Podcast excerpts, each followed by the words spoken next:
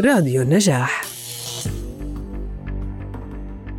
الديانة البهائية بدأت في إيران وصلت إلى عكا وانتشرت في كثير من دول العالم ماذا نعرف عن البهائيين؟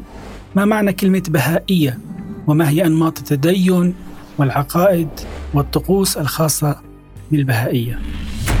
أنا عبد الله جبور وهذه حلقة جديدة من الهوية بودكاست. يسعدني في هذه الحلقة استقبال الأستاذة تهاني روحي الصحفية والكاتبة والمستشارة الإعلامية في مركز وعي لحقوق الإنسان أيضا الممثلة والناطقة باسم البهائيين في الأردن. أهلا بكم وشكرا جزيلا على الاستضافة.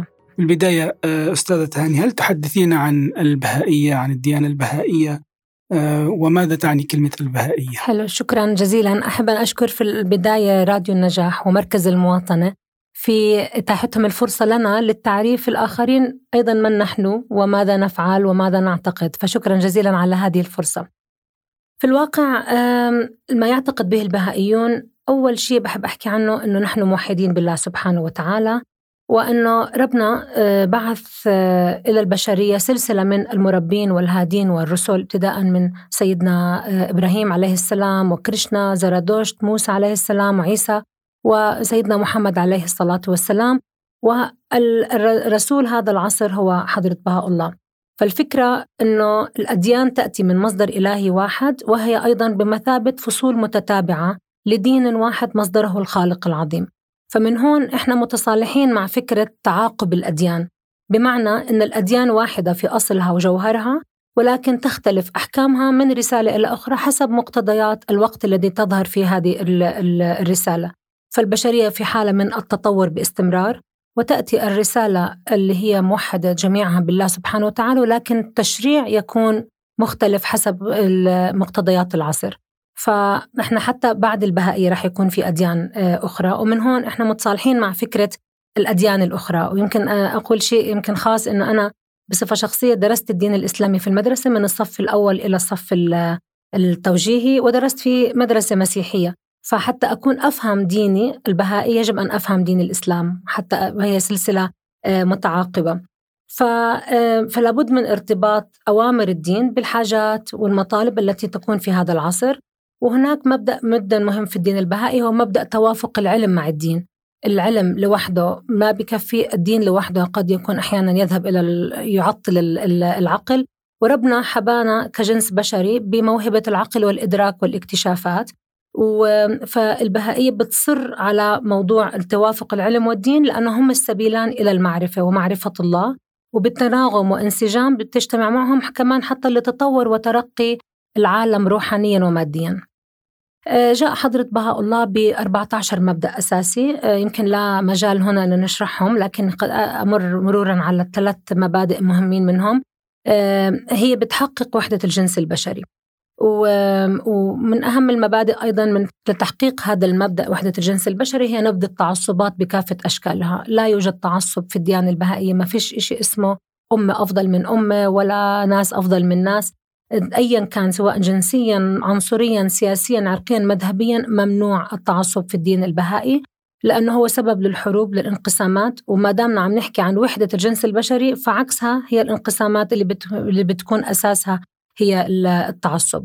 فلما الإنسان بتحرر من التعصب أو يعني بيترك هذه الآفة هو بتحرر من نقيصة مستحكمة وبتبرز دوره بتخليه يعرف أيضا أنه يكون العدل هو واحد من من أهم الفضائل الإلهية اللي بتكون في حياته اليومية. أيضا من أحد المبادئ الهامة كلهم مهمين لكن يعني مرورا سريعا هي مساواة في الحقوق والواجبات ما بين الرجال والنساء. فالرجال والنساء متساويين آه، في الدين البهائي في الحقوق والواجبات هم مكملين لبعضهم البعض. الروح الإنساني الروح البشري ليس له جنس عند الخالق. لا يميز ربنا ما بين رجل. وأنثى. آه، إنما تحقيق المساواة بين مكونات المجتمع البشري هو يتيح الاستفادة التامة آه، من خصائصها المتكاملة. ويسرع بالتقدم الاجتماعي وبضاعف فرص بلوغنا للسعادة والرفاهية.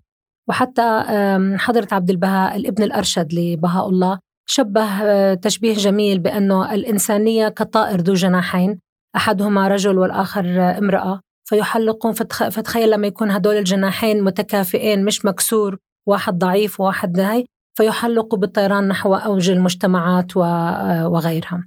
فبالتالي الديانة البهائية كلمة البهائية هي نسبة إلى الرسول بهاء الله نعم. متى بدأت الديانة البهائية تدعو إلى البهائية وهل تحدثين أكثر عن الرسول بهاء الله؟ رسول بهاء الله هو الموعود الذي بشر فيه جميع الرسل من قبل وتحديدا حضرة الباب هو المبشر بحضرة بهاء الله لأنه حمل حضرته هذه الرسالة الجديدة من عند الله إلى البشر. فمن خلال آلاف من الآيات والرسائل والكتب اللي نزلت بواسطة الوحي الإلهي وضع الخطوط الرئيسية لإطار عمل يهدف إلى تطور الحضارة العالمية.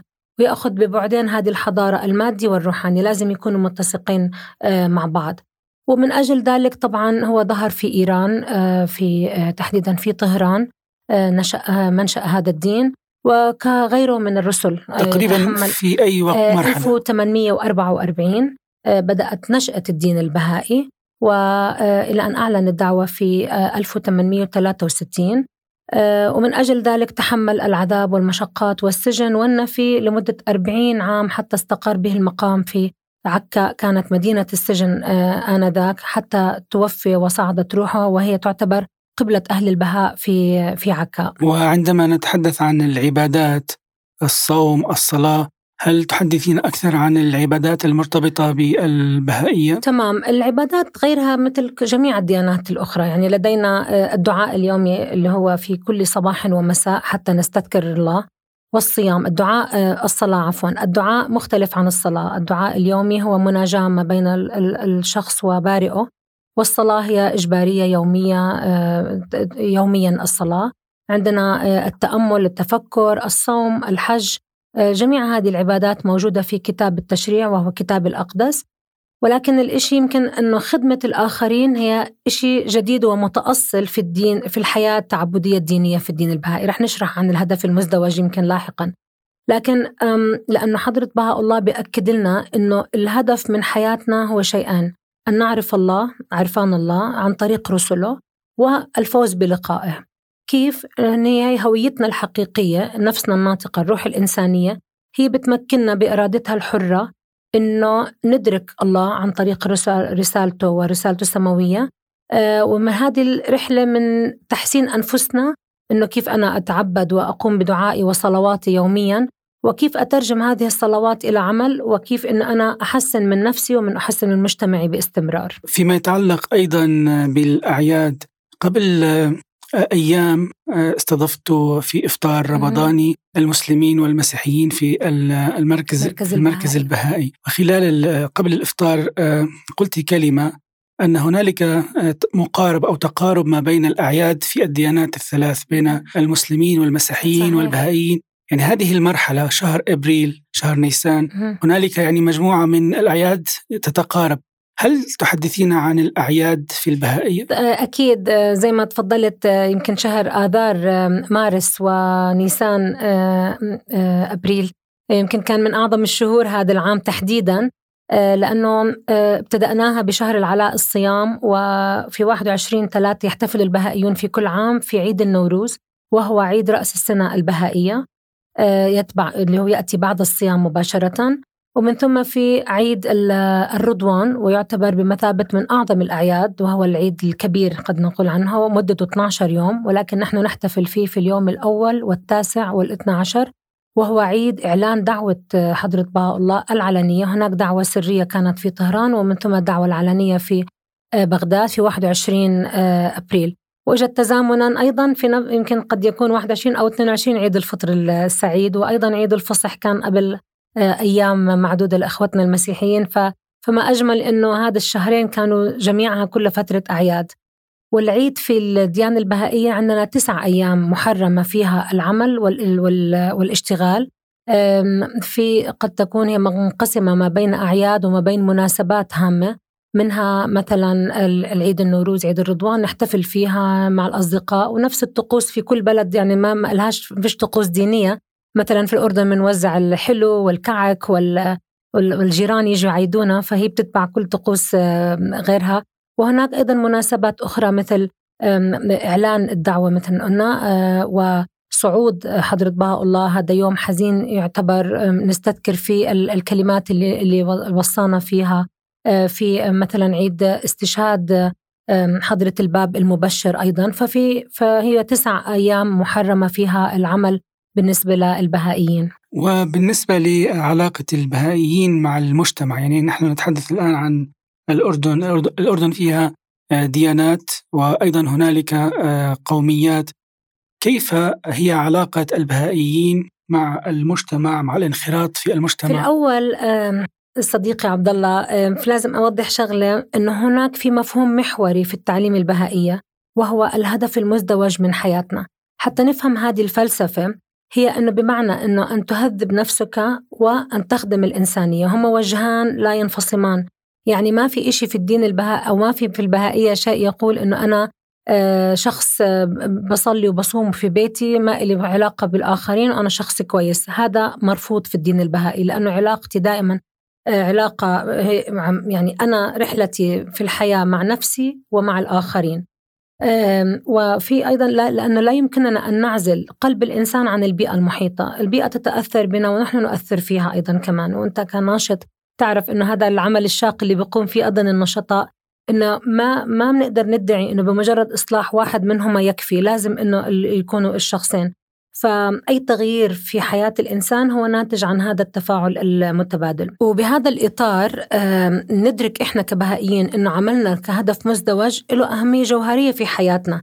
يعني أنا هلأ زي ما حكيت ما في إشي اسمه أنا بحالي في بالي لأ أنا هاجسي دائما إنه كيف أعتني بنموي أنا الروحي والفكري من خلال عباداتي اليومية وكيف أترجم هذا العبادات أو هذا اللي عم بقرأه إلى عمل. وفي دائما حضرة بها الله بذكرنا أنه أن نجعل إشراقنا أفضل من عشيكم أن تجعلوا إشراقكم أفضل من عشيكم. وأن تحاسب نفسك في كل يوم قبل أن تحاسب لأن الموت يأتينا بغتة وما بنعرف فسيقوم ربنا على الحساب في نفسه. فأول بأول تصفي أو, أو تحسن نفسك باستمرار. وكيف أساهم في تحول المجتمع؟ فهذا الهدف المزدوج فلسفة كتير عميقة. بتخلي الأفراد واعيين إنه إيش احتياجات مجتمعي؟ بتخلينا نقرأ الواقع بطريقة مختلفة. بطريقة ما فيهاش تعصب. عيني بتكون كاشفة للمظالم المستشرية من حولي وفي العالم أيضا. أنا حتى كمان إذا بدي أشوف الأخبار بشوفها بعين بعين مختلفة. كيف ممكن أن أساعد بدل ما أن أنقد؟ أنا بدل ما أن أنقد الحكومة كيف أنا أساعد وأكون شخص مواطن فاعل في مجتمعي؟ وكيف أساهم في رخاء جميع مكونات المجتمع من حولي؟ هلأ هذا الكلام مش كتير يعني يوتوبيا أو إنه صوري بالعكس أنا ممكن أشرح لك إنه ماذا يفعل البهائيون في آه، أحيائهم. فابتداء من وين أين يقيم البهائيون في كل أنحاء العالم ونحكي حتى في الأردن تحديدا. آه، ابتداء من أحيائهم السكنية اللي بيقوموا فيها. آه، بيقيموا مع أصدقائهم مع جيرانهم في عملية من التعلم كيف ينشئوا أو كيف يحللوا واقعهم في أحيائهم في الحارات الصغيرة. كيف إنه يكونوا منفتحين نحو المجتمع ونابض بالحياة وكيف إنه يساهم الجميع في هذا الإشي. فبيجتمعوا وأفضل ما نجتمع عليه دائما هو عندنا جلسات للدعاء. وهذه الجلسات بحب أدعيك حتى عليها مرة آه، صديقي عبد الله دعيت كثير من الأصدقاء عليها يحضروا لأنه بتخ... كل واحد بيجي بيقرأ من بدعي بيكون في ثيم أحيانا ندعي من الكتب المقدسة جميعها. وما أجمل أنه بعد الدعاء هذا بتكون عندنا حالة من التعبد السمة التعبدية. أصلا حتى أحاديثنا بتكون أحاديث جادة بنبتعد فيها عن الجعجعة اليومية والأحاديث الغير هادفة. وتخيل لو في كل في كل بيت انتشر هذا الإشي في الحي كيف رح ترتفع السمة التعبدية في هذا الحي؟ وبعد هيك نقعد نتفكر بالأطفال الموجودين في هذا الحي. آه، كيف هدول لازم ينشأوا في بيئة تعنى بتربيتهم الأخلاقية؟ آه، من خ... منذ نعومة أظفارهم يعني لازم نفكر فيهم من عمر أربع خمس سنوات. كيف نعلمهم الفضائل الأخلاقية عن طريق القصص الفنون؟ تخيل لما نحكي عن فضيلة الصدق. بنعلمهم قصة بتحكي عن الصدق بنعلمهم الرسم بتحكي عن الصدق مسرحية بتحكي عن الصدق حتى يترسخ هذا المفهوم بغض النظر هو إيش دينه. فالطفل الذي ينشأ بهذه الخصال الروحانية رح يكون خالي من التعصبات ورح يكون آه، يعني شخص أفضل أكيد في مجتمعه. ولما يكبروا أكثر شوي في عنا كمان أيضا برامج للفئة العمرية من 11 ل 14 سنة. آه هذه الفئة اللي بينظر لهم المجتمع أنهم هم مراهقين عندهم تغييرات هرمونية لا هم شباب ولا هم أطفال. لكن إنه قديش بنساعدهم إنه في برامج بتساعدهم آه، بتعمل بهدي من التعليم البهائية. إنه كيف تطلق قدراتهم كيف تبني الوعي لديهم إنه حتى إنه يكونوا نشوف عمليات تحليل الهدم والبناء. مين الأفكار الهدامة البناءة؟ آه، يصيروا أكثر إنه يشحذوا بصائرهم بتحسس حسهم بالانتماء كمان والمواطنة المخلصة وبتعطيهم حس بالمسؤولية المجتمعية لهذه الفئة العمرية اللي هي أصلا يعني بتجاهلوها كثير من الآباء والأمهات وحتى المجتمع. وأيضا للأكبر عمرا هناك في دورات آه، كتب معهد روحي. هي أيضا تعد الأفراد حتى ينخرطوا بطريقة أوسع وأفضل في حياة مجتمعهم تمنحهم المعرفة والبصيرة والمهارات. وهي أيضا وسيلة فعالة لإطلاق قوى بناء الطاقة الكامنة في المجتمع. فهو إذا آه، هذا ما ينشغل به البهائيون.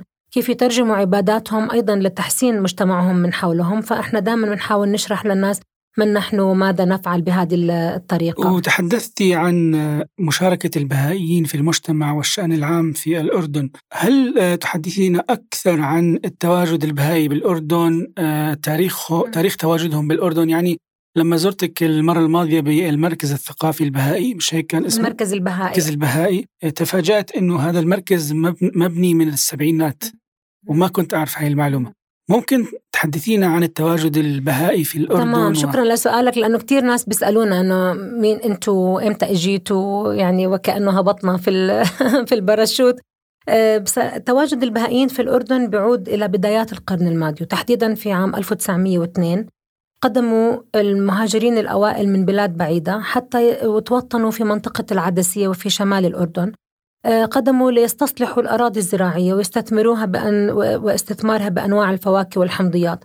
والأردن زي ما بتعرف صديقي عبد الله هو على مر التاريخ دائما مرحب بجميع المعروف بمر التاريخ بكرمه وترحيبه بالجميع. وفعلا كان بجسد طريقة الوئام بعيدا عن الشعارات آه، آنذاك آه، مع جميع الأطياف.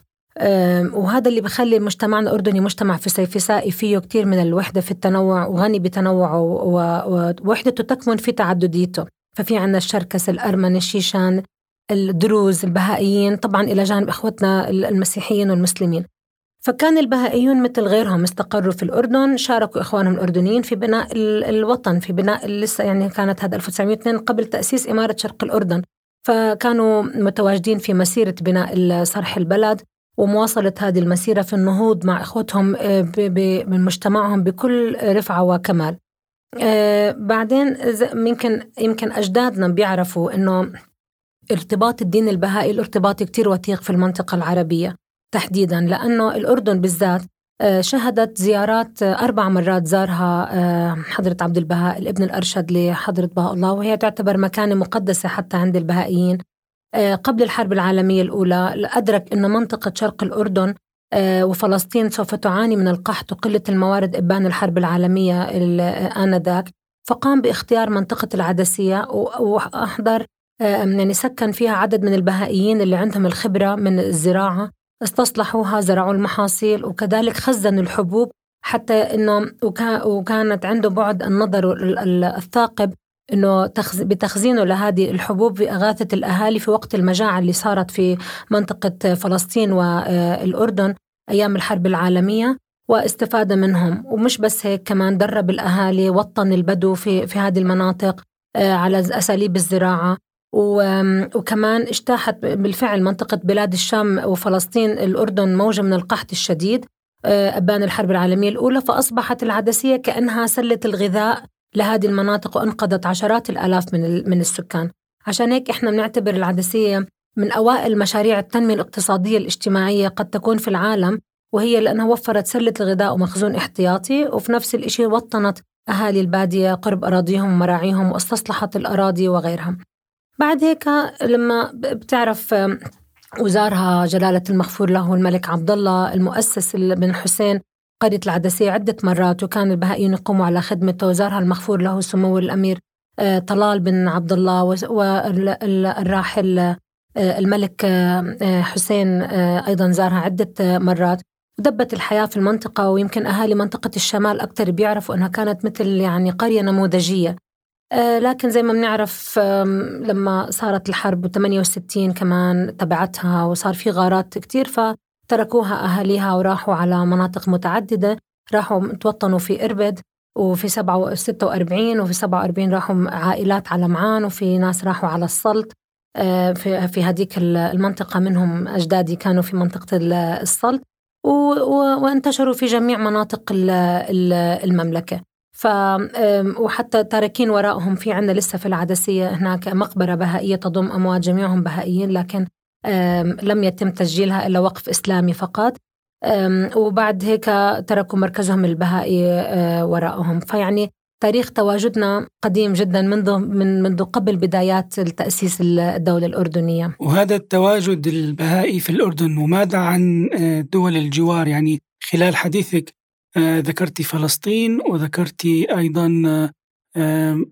البداية من إيران. أين يتواجد البهائيين في الجوار وفي المنطقة وفي دول العالم؟ في البداية البهائيين بحسب الموسوعة البريطانية بريتانيكا انسايكلوبيديا هي ثاني أكثر الديانات انتشارا في العالم انتشارا وليس عددا.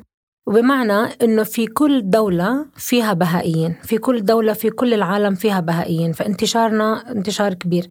لكن آه، في المنطقة العربية يعني بحسب معلوماتي أنا يعني الشخصية بحسب تجوالي وهيك موجودين في كل أنحاء المنطقة العربية. يعني أنا وبعدين قديش عددهم هي بتكون نسبة وتناسب مع عدد السكان أو غيرها. مثلا أنا كنت في الهند عشت في الهند ثلاث سنوات. كانت البهائيين في الهند هم من أكبر الأعداد في كل منطقة آسيا. وهذا ببرر إنه قديش الحجم. هلأ في العراق متواجدين بكثرة في جمهورية مصر العربية آه، مثلا الإمارات لأنه في عدد وافدين كثير ففي كل مكان في كل مد في كل مدينة ودولة يتواجد فيها البهائيون في منطقتنا العربية بلا استثناء. وكيف شعرتي؟ كيف الآخر ينظر إلى البهائي وأيضا في المقابل كيف ينظر البهائي إلى الآخر؟ في سواء في المجتمع بالأردن أو في المناطق اللي زرتيها وعشتي فيها؟ هلا لأنه زي ما حكيت لك في البداية من أهم المبادئ البهائية هي نبذ جميع التعصبات، يعني إنه بمعنى إنه أنا بنظر للآخر بعين إنه هو أخي أو أختي في الإنسانية، يعني ما عندنا ممنوع في الدين البهائي إني أتعصب إنه أنا آه، عربية، أنا أردنية، أنا هذا هذا شيء جدا جميل. لأنه آه، بتفضل حضرة بها الله ليس الفخر لمن يحب الوطن بل لمن يحب العالم. الوطن جميعنا نحبه ونفتخر به لكن من يحب العالم هو الأهم. آه، ف يعني بشبه لنا حضرة بهاء الله مبدأ وحدة الجنس البشري مثل الإنسان كهيكل إنسان. هذا الإنسان فيه ملايين من الخلايا. هاي الخلايا كل واحد له دوره ووظيفته وأشكال متنوعة ما ما بنصطدموا مع بعض. ليش؟ عشان هذه الخلايا تحفظ جسم الإنسان وتخليه جسم سليم. فبنفس الشيء إحنا كمان لازم ننظر إلى الآخر بهذه الطريقة إنه هو مثل الخلايا اللي عم بيساعدنا حتى كنا جميعا نرتقي في هذه المدنية. فإذا فهمنا هذه الفلسفة بنشوف إحنا الآخر دايما إنه هو شريك لي وليس ندا لي. هلأ إذا بدنا نحكي كيف ينظر الآخر لي هذه بترجع لحسب ثقافة كل بلد في في الهي لكن لازم أكون منصفة. لا يوجد تمييز. أنا يعني بحكي بصفة شخصية وعن البهائيين جميعا في الأردن. لا يوجد تمييز. مجتمعي عن عن الدين لأنه إحنا نعتنق الديانه البهائية، إحنا آه، مواطنين سواء هذه بتحكمنا دستورنا الأردني جميعنا سواء لأننا اننا أردنيين. لكن إذا أحكي يعني هيك بنوع من الثقافة العامة إنه عملية نشر قيم التسامح وبنحكي كثير عن الاعتدال والوسطية لكن لما بتفتح ال social media لما لما لما بتشوف أسئلة مرات عجيبة وغريبة عن عن أحيانا بيقولوا لنا أسئلة جدا يعني بسيطة لكن إنه في جهل في جهل كبير عن الآخر. وهذه مش مشكلتنا إحنا فقط. يعني أنا ممكن ما بعرف أي إشي عن الأرمن ما بعرف أي إشي عن الدروز ما بعرف عن اليهودية لأنه مناهجنا ما عززت هذا التنوع للأسف. آه، بس كمان عملية نشر القيم التسامح والاعتدال هي مش شعارات هي عملية لها أهداف إنك تعترف بالآخر إنك تقبله تتعايش معه. حتى أنا ما بحكي تتعايش هي العيش المشترك الوئام. نعزز الحوار والتسامح الديني وحتى نعمل أيضا على تجديد الخطاب الديني لحتى ننشر ثقافة الاعتدال وننبذ كل جميع أشكال التعصب. طول ما أنا بطلع على نفسي كدين إنه أنا أفضل من غيري أنا هون بحط هذا المتراس اللي هو التعصب أمام عيني. ما بنظر إلى الآخر كشريك لي بنظر له في ناحية إنه أنا أفضل منه أنا أقوى منه. أنا ما عم بحدد يعني لكن إنه آه هاي. فعشان هيك إحنا كتير بنحب إنه نروح للحوار لأنه الحوار بين جميع أطياف المجتمع كله إنه نرسخ التفاهم الاحترام المتبادل بهدف تعزيز المواطنة المشتركة وقيم الإنسانية اللي بتجمعنا بالآخر. كيف يعني دائما بنركز إنه كيف أنا أروح للحوارات اللي على أساس ودي مع مستويات المجتمع جميعها مع المطلع. والإشي الجميل إنه دائما ندعى كبهائيين إنه نحضر أسبوع وئام الأديان. نحضر حوارات الأديان. نحضر كتير من هاي وتتاح لنا جم... كتير من الفرص. يعني لازم أكون منصفة إنه يعني إيش وجهة نظر البهائية في العدل؟ ما هي وجهة نظر البهائية في موضوع الفلاني؟ فدائما تتاح لنا الفرصة إنه نحكي فيها بهذا المنطلق. مش عشان أنا بدي إن أبلغ الناس بديني أو إنه لا حتى إنه نعرف كل وجهات النظر ونقربها آه، مع بعض بنقاط الالتقاء. لأنه العلاقة مع الآخر مش ممكن إنها تأدي دورها المنشود إلا إذا قامت على احترام الآخر المختلف. أحترمه وليس بالضرورة أني أنا أعتنق أو, أو أكون يعني مصدقة تماما بكل ما هو يعتنق لكن أنا أحترم هذه ال ال ما هو يعتنق. علشان آه، الهدف هو ربط العلاقات مع الآخر إثراء الفكر وتمهيد الطرق التعاون في شتى مجالات الحياة. ونحترم ترسيخ قيم التسامح والإنسانية ونبحث عن قواسم مشتركة بدل ما نضلنا نبحث دائما عن الاختلافات نبحث عن عن المشتركة. وهذا اللي عجبني أيضا في سؤالك في البداية. إحنا جميع عشان هيك قلت لك فلسفة الدين كتير متصالحين معاها. الأديان جميعها دين الله واحد. المربي هو ربنا سبحان الله عز وجل وهو غيب منيع لا أحد يدركه. بس بواسطة المظاهر الإلهية إحنا بنتعرف على الدين. لكن ما هو المختلف؟ هي التشريعات اللي بتيجي حسب مقتضيات الزمان والمكان. فعشان هيك أنا دائما عندي تصالح مع الأديان الأخرى كل البهائيين. فإذا بدنا نوصل للوحدة المجتمعية بالفعل لابد من تشكيل الرأي تنمية فكرية. هذه بتؤدي إلى محادثات حقيقية. وفيما عدا ذلك كلها بتكون انقسامات بشكل أعمق وبتنغلق كل فئة على على الأخرى. وشيء تاني كمان لازم أحكي فيه إنه يعني اتساق مع رؤية جلالة الملك عبد الله الثاني في ورقة النقاشية السابعة كثير تحدث فيها عن كيف النهوض بالعملية التعليمية. فإذا لابد الحجر الأساس البداية هي التعليم اللي كيف إنه يخلق بعد أخلاقي متين كيف المدارس ترسخ في أذهان الطلاب المواطنة كيف تعزز مبدأ الوحدة في التنوع والاختلاف كيف تغرس فيهم في نفوسهم هذه المبادئ اللي بتحسن مجتمعهم. وإنه وما لازم تسمح للمناهج أو التعليم إنه يكون وسيلة لبث الفرقة والكراهية تجاه الآخر. فالمناهج الدراسية لازم تعزز تنوع وغنى المجتمع الأردني بكافة فئاته. يعني أنا درست في المدارس لكن ما كان في إشي بعرفني عن المكونات الأخرى. هذه لازم كمان إنها واحدة من الأمور اللي لازم إنها تتطور أيضا في في تنعكس على مخرجات التعليم.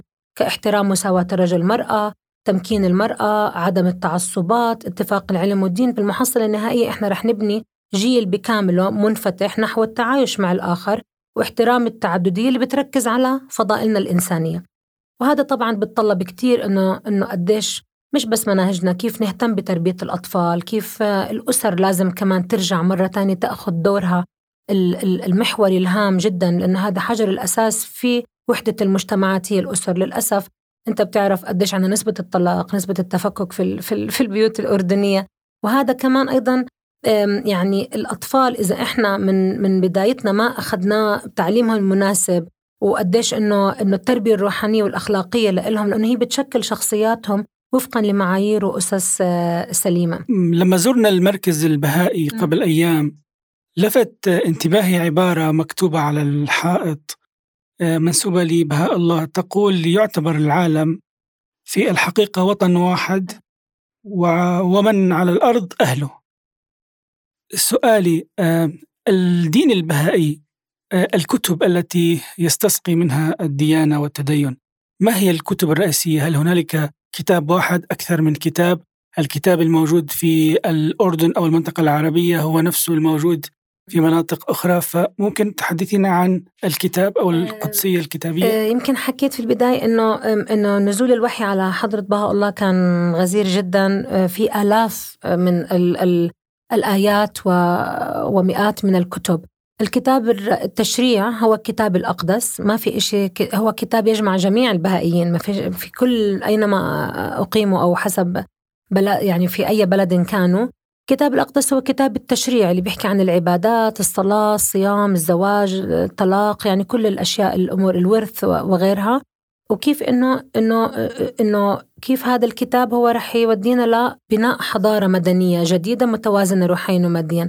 في كثير من الآثار الكتابية لحضرة بهاء الله عديدة جدا. في منها في العرفانيات، في منها في الفكر التصوفي، في منها في إرساء القواعد المدنية، يعني مئات مئات من الكتب أه، ولكن الشيء الجميل إنه أه، الوحي نزل على حضرة بهاء الله وهو شخص فارسي إيراني باللغة العربية وهذا يعني كتاب التشريع هو باللغة العربية. وهذا بيستدعينا كمان أيضا إنه نعطينا هيك إنه كتابنا اللغة باللغة العربية. ويترجم إلى لغات آه، عديدة في العالم لكن هو هو التشريع أو الوحي كان باللغة العربية. آه، الكتب متاحة جميعها هلأ موجودة صارت أونلاين. شكرا للتكنولوجيا لأنها لما تتسخر العلم مع الدين هيك بصير ففي موقع البهائي الرسمي اللي هو Bahai dot org وفي من نفس هذا الموقع ممكن ندخل على مكتبة آه، المراجع البهائية وغيرها من المراجع. هي هذا الموقع الرسمي البهائي وموجود في كل اللغات ومنها اللغة العربية www.bahai.org وفي الوقت الحالي شو هي أنشطة البهائيين؟ شو عندكم مبادرات؟ آه يعني زي ما بتعرف إنه إحنا بنحاول نكون منخرطين في حياة المجتمع لأنه كمان حضرة بهاء الله يعني حثنا إنه إنه انظروا لإحتياجات العصر واهتموا فيها اهتمام بالغ وتباحثوا حول مقتضياتها وضرورياتها بمعنى إنه إحنا بنشارك في الحوارات بشكل أعمق شوي في في في عمق قراءة الواقع وفهمنا للواقع الاجتماعي. هلا إحنا مكتب الشؤون العامة اللي إحنا آه، فيه عادة بنعمل مبادرات عن دور الإعلام في ترسيخ العدالة الاجتماعية بندعي أصدقائنا الإعلاميين مائدة مستديرة بتقدر تحكي عنها تينك تانك مائدة مستديرة بهدف ارتقاء بالفكر وكيف بننظمها بشكل دوري آه، مع النشطاء الإعلاميين نشطاء وسائل التواصل حتى نجد هذا الفضاء للتعمق عن دور الإعلام في ترسيخ العدالة الاجتماعية. وبنروح في مفاهيم كل مرة في مفهوم معين. فأخذنا مفهوم العدل على المستوى الفردي أن ترى الأمور بعينك لا بعين الآخرين ومن ثم العدل الجماعي العدل المؤسسي. وشوي شوي إن شاء الله نقدر إنه نفكر إنه هذا التفكير لما نحضر نقدر يعني أنا بحكي كإعلامية لما أنا بقدر أستوعب هذه المفاهيم بقدر أنا كمان أن أترجمها في في عملي. ومبادرات أخرى مع حوارات الأديان والعيش المشترك مع قادة الأديان. حتى دائما إنه نعطي هذه الصورة المضيئة لمجتمعنا بمعنى إنه سياسة جلالة الملك أسبوع الوئامه بين الأديان. فبنكون نشطاء جدا في هذا في هذا المجال. شركائنا فاعلين نعطي حوارات لنقاش دور الدين في ثقافة التكافل الاجتماعي. بنعمل جلسات دعاء مع رجال الدين. عملنا هذا الإفطار اللي حضرتك شرفتنا فيه. جلسات دعاء باستمرار. أسبوع الوئام العالمي عملنا جلسة نقاشية أنه كيف نجسد مبدأ الوئام من رسالة عمان والتسامح الديني اللي فيها. لأنه رسالة عمان جدا رسالة آه، رائعة.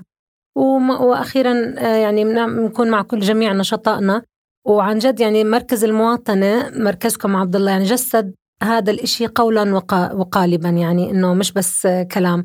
فيعني بإتاحتك الفرصة لنا أن نتحدث أيضا عن معتقداتنا. هذا برسخ مفهوم الانفتاح على الآخر المختلف. شكرا شكرا, شكرا لك جزيلا لك. وأيضا لا أنسى أن أذكر أيضا مركز العالمي للحوار بين أتباع ديانات كيسيد هو أيضا شريك معنا في هذا صحيح. البرنامج.